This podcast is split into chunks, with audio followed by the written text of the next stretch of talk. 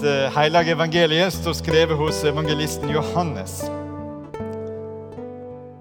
Det var mange som tok til å tro på Jesus, til og med av rådsherrene.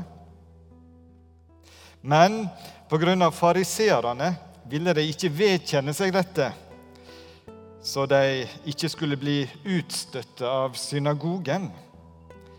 For de elska æra fra mennesket høyere enn æra fra Gud. Men Jesus roper ut. Den som tror på meg, tror ikke på meg, men på Han som har sendt meg. Og den som ser meg, ser Han som har sendt meg. Som lys er jeg kommet til verden, så ingen som tror på meg, skal bli værende i mørket. Den som hører ordene mine og ikke tar vare på dem, dømmer ikke jeg. For jeg er ikke kommet for å dømme verden, men for å frelse verden. Slik lyder det hellige evangeliet.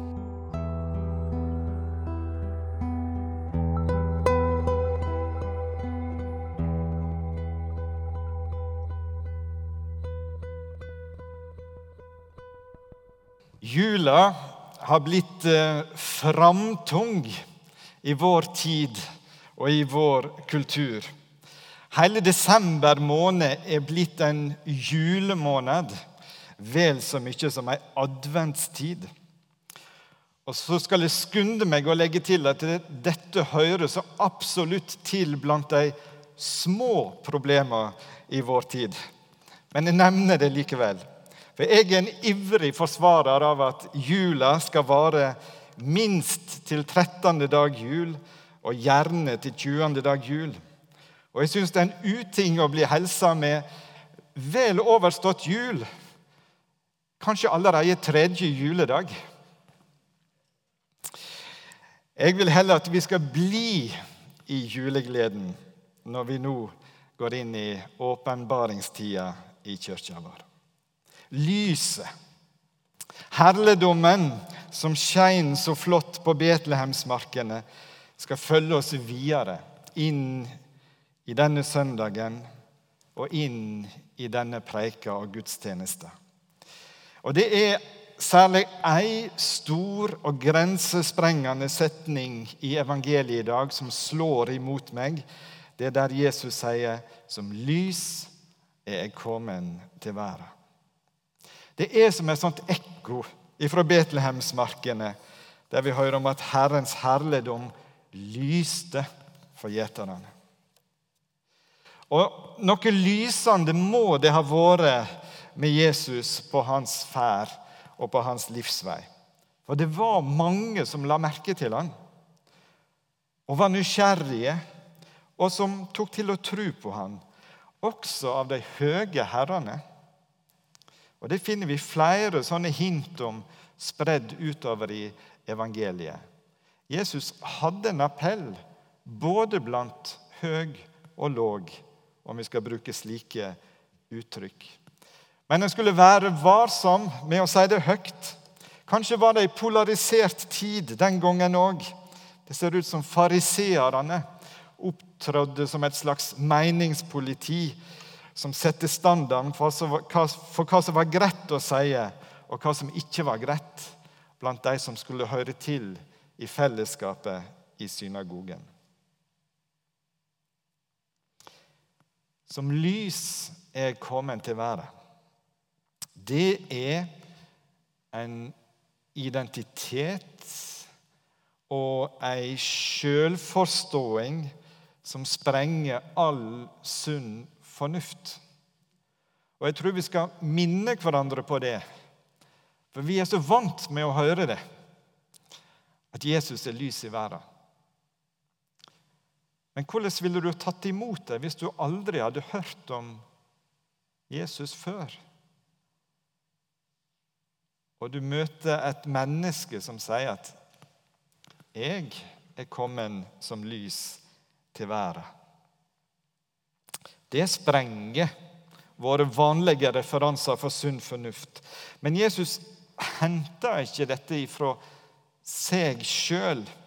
Jesus henter sin identitet i oppdraget, i avsenderen, han som har sendt meg.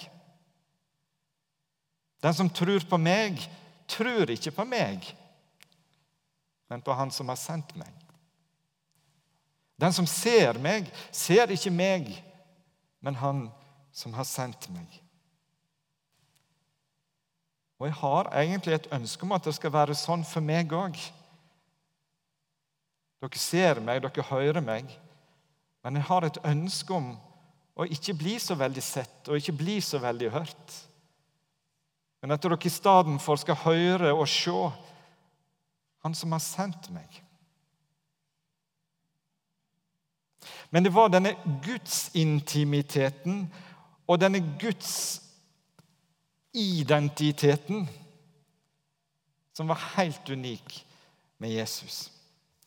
Alt han sa, alt han gjorde, var forankra i dette. Han var sendt av Gud Fader. Han gav av det som Faderen gav han. Og han talte av det som Faderen talte. Og Derfor så kunne han også stå fram og si som lys er kommet til verden. For han visste hvor han kom ifra. Han visste hvem som hadde sendt han. Han var trygg i sin Guds identitet. Men én ting er å si det, en annen ting er å bli trudd på det. Går det an å ta det på alvor? For våre ivrige ateister i vår tid så er jo dette sånne utsegner der det går rett i strupen på Jesus og argumenterer for at dette er et godt døme på hvor vilt det var, en del av de tingene Jesus sa. Og på den måten ønsker å rive ned hele forestillinga om at det er noe stort og godt og rett og viktig med denne personen Jesus fra Nasaret. Og hva slags strategi skal vi velge i vår tid? Skal vi være litt forsiktige? Skal vi tone det ned for å liksom ikke provosere? Eller skal vi rette ryggen og si akkurat slik var det?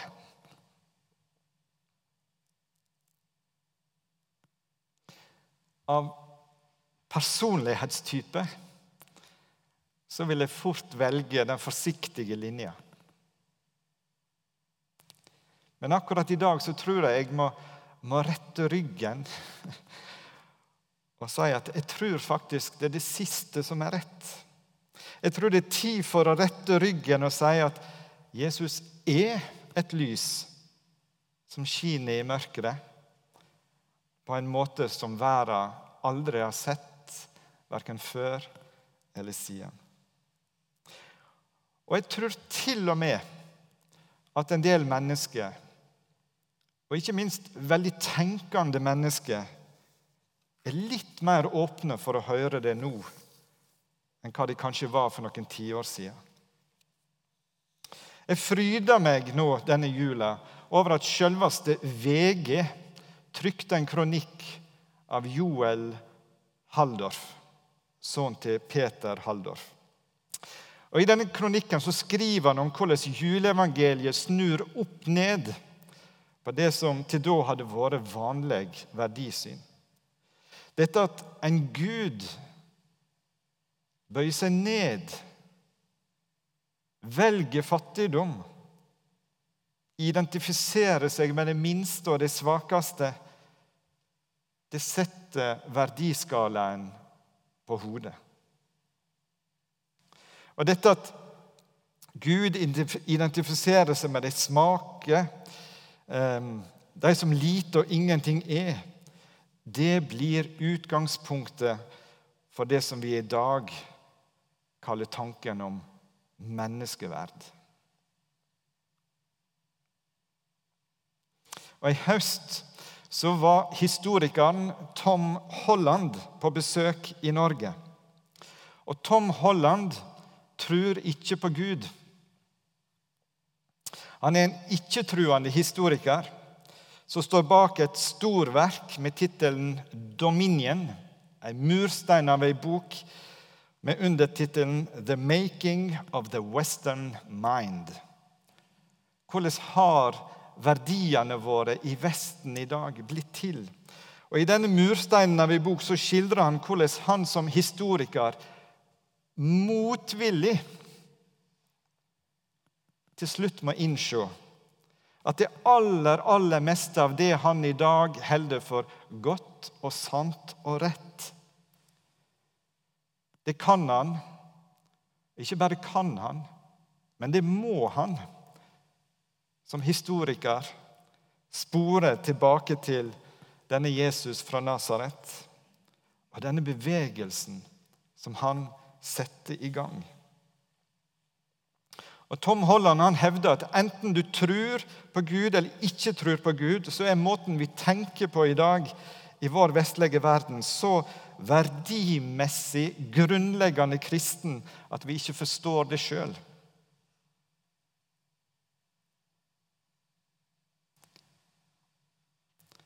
Jeg tror ikke menneskerettene vil frelse den verden vi bor i.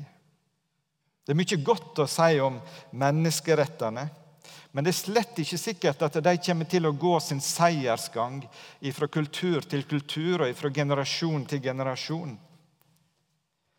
Menneskerettene er ei plante som har vokst fram i et kristent jordsmonn.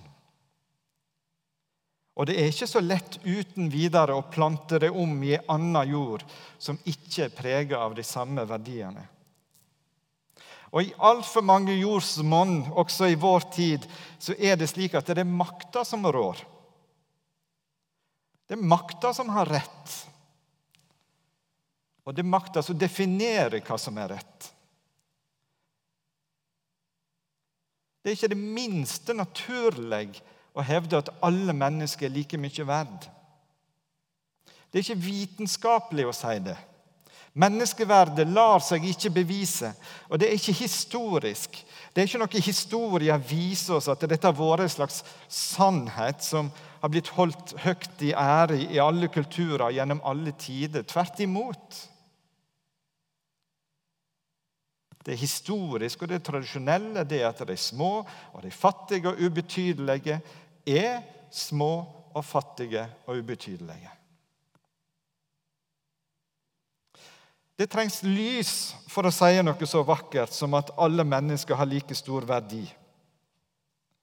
Et lys vi finner i tanken om at alle mennesker er skapt i Guds bilde.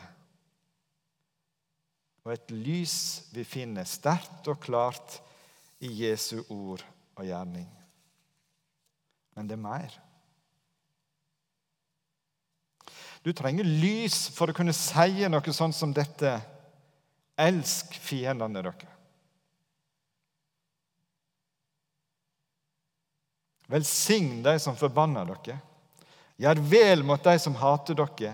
Be for de som mishandler dere og forfølger dere. Du trenger lys for å kunne si at den som skal være stor i himmelriket, må være som et lite barn.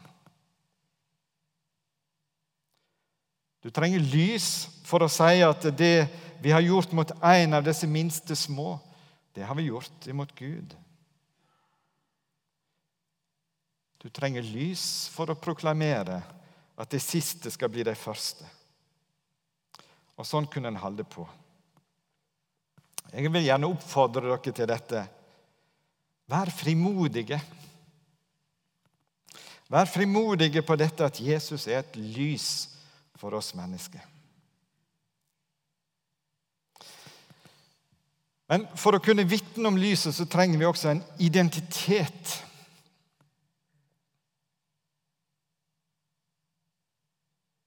Jeg står ikke her som prest i dag framfor dere fordi jeg er bedre enn dere. Min identitet ligger i et kall, i en ordinasjon og i en dåp i dette lyset som Jesus var og vitna om og var sendt til oss med. Og Dette lyset er så viktig at vi må si slik som Paulus sa til korinterne vi misser ikke motet. Men når noen sier eller skriver akkurat det 'vi misser ikke motet', så kan du være bombesikker på at det fins akkurat det gode grunner til å misse motet. Og Paulus kan vi lese om mellom linjene, er frustrert over at verden var så forblinda at folk ikke så lyset som stråler fram fra evangeliet om hans herligdom. Og der har dere det igjen. Lyset som stråler fram fra hans herligdom.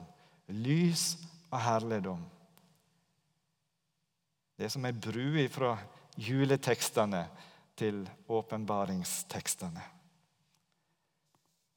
Vi mister ikke motet, sier Paulus, for vi forkynner ikke oss sjøl. Og det er viktig.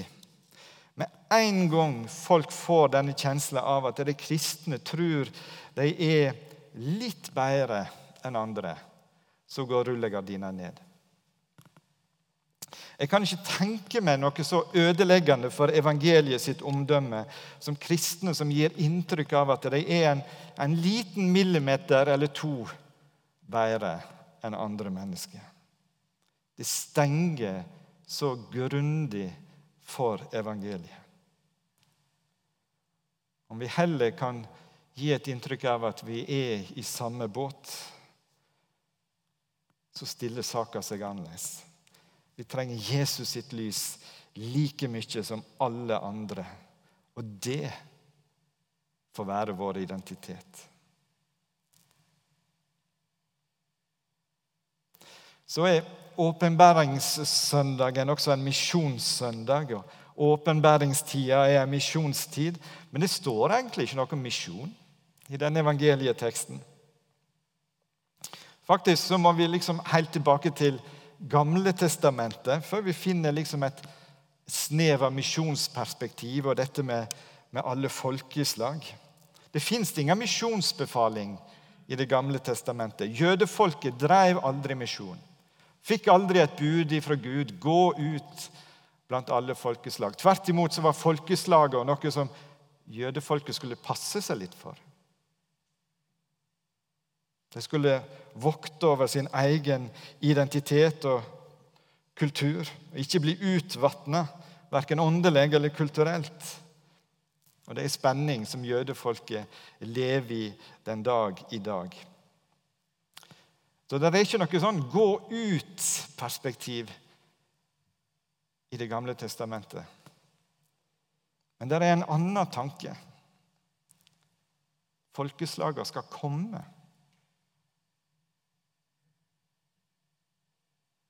Og Der er det tre vise menn som kommer fra Austerland som en profeti, som et tegn på hva som skulle skje. Og det er en tanke vi finner i Det gamle testamentet, at lyset ifra jødefolket si tru også skal bli et lys for alle folkeslag. Alle folkeslag skal strømme til Jerusalem. Eller som vi hørte i den gamle lovnaden til Abraham I deg skal alle etter på jorda velsignes. Og inn i denne velsigninga, inn i denne identiteten og inn i dette lyset, så er vi invitert i dag på Kristi åpenbæringssøndag. Ære være Faderen og Sønnen og Den hellige ånd, som var, er og være skal, en sann Gud fra evighet og til evighet.